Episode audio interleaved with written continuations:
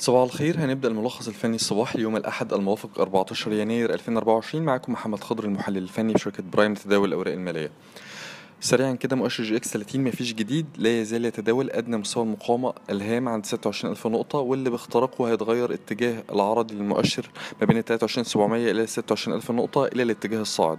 يبقى التغير بالاتجاه الصاعد مرهون باختراق آه، مستوى المقاومة الحالي عند 26000 نقطة. مستويات المقاومة الحالية تكون عند 26 يليها 27 مستويات الدعم الحالية تكون عند ال 25300 يليها ال 24350 أما بالنسبة لمؤشر جي إكس 70 وصل للأداء الإيجابي آه، بنهاية تعاملات جلسه الخميس أغلق على ارتفاع بنسبة 1.11% عند مستوى ال 5955 إحنا كنا بنتكلم إن هو آه، بعد آه، وصوله لل 5800 هو مرجح أو مؤهل لاستهداف مستوى المقاومة التالي عند 6000 نقطة وهو في اتجاهه لاستهداف ال 6000 نقطة. مستويات المقاومة هتكون عند 6000 يليها 6100 مستويات الدعم هتكون عند ال 5800 يليها ال 5670 أما بالنسبة لملاحظات التداول هنبدأ بالأسهم اللي ممكن تختبر آه، أو اللي قد تختبر مناطق مقاومة على المدى القصير. أول حاجة عندنا العبوات الطبية اللي كسرت مستوى مقاومه مهم أو منطقة مقاومة مهمة بين 95 قرش إلى الجنيه وبكده هي ممكن تستهدف منطقة المقاومة ما بين الجنيه 15 إلى الجنيه 40 رؤيتنا عليها إيجابية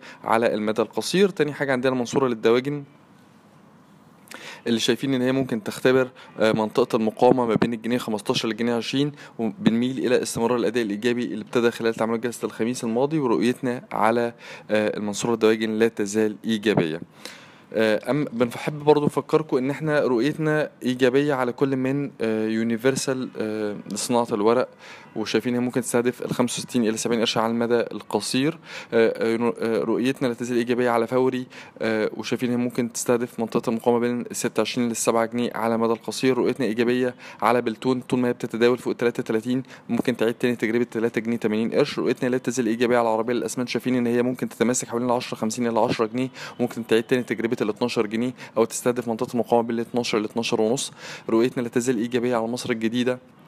طول ما بتتحرك أو بتتداول فوق 9 جنيه 70 ممكن تاني آه، تعيد اختبار منطقة المقاومة بين 12 50 ل 12 70 رؤيتنا إيجابية على بالم هيلز آه، وشايفين إن هي بمجرد اختراق ال 3 جنيه وربع ممكن تستهدف منطقة المقاومة التالية ما بين 3 جنيه 80 لل 4 جنيه على المدى القصير.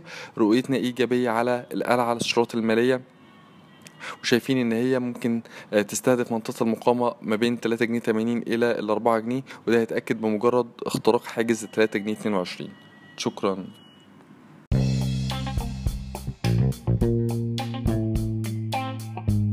يرجى العلم أن هذا العرض هو لأغراض معرفية فقط، ولا يمكن اعتباره عرض أو توصية شراء أو بيع أو إدارة استثمارات أو خدمات استشارية. ينصح باستشارة مستشارك المالي قبل اتخاذ أي قرار استثماري، علماً بأن الأداء التاريخي ليس مؤشراً يعتمد عليه لتحديد الأداء في المستقبل.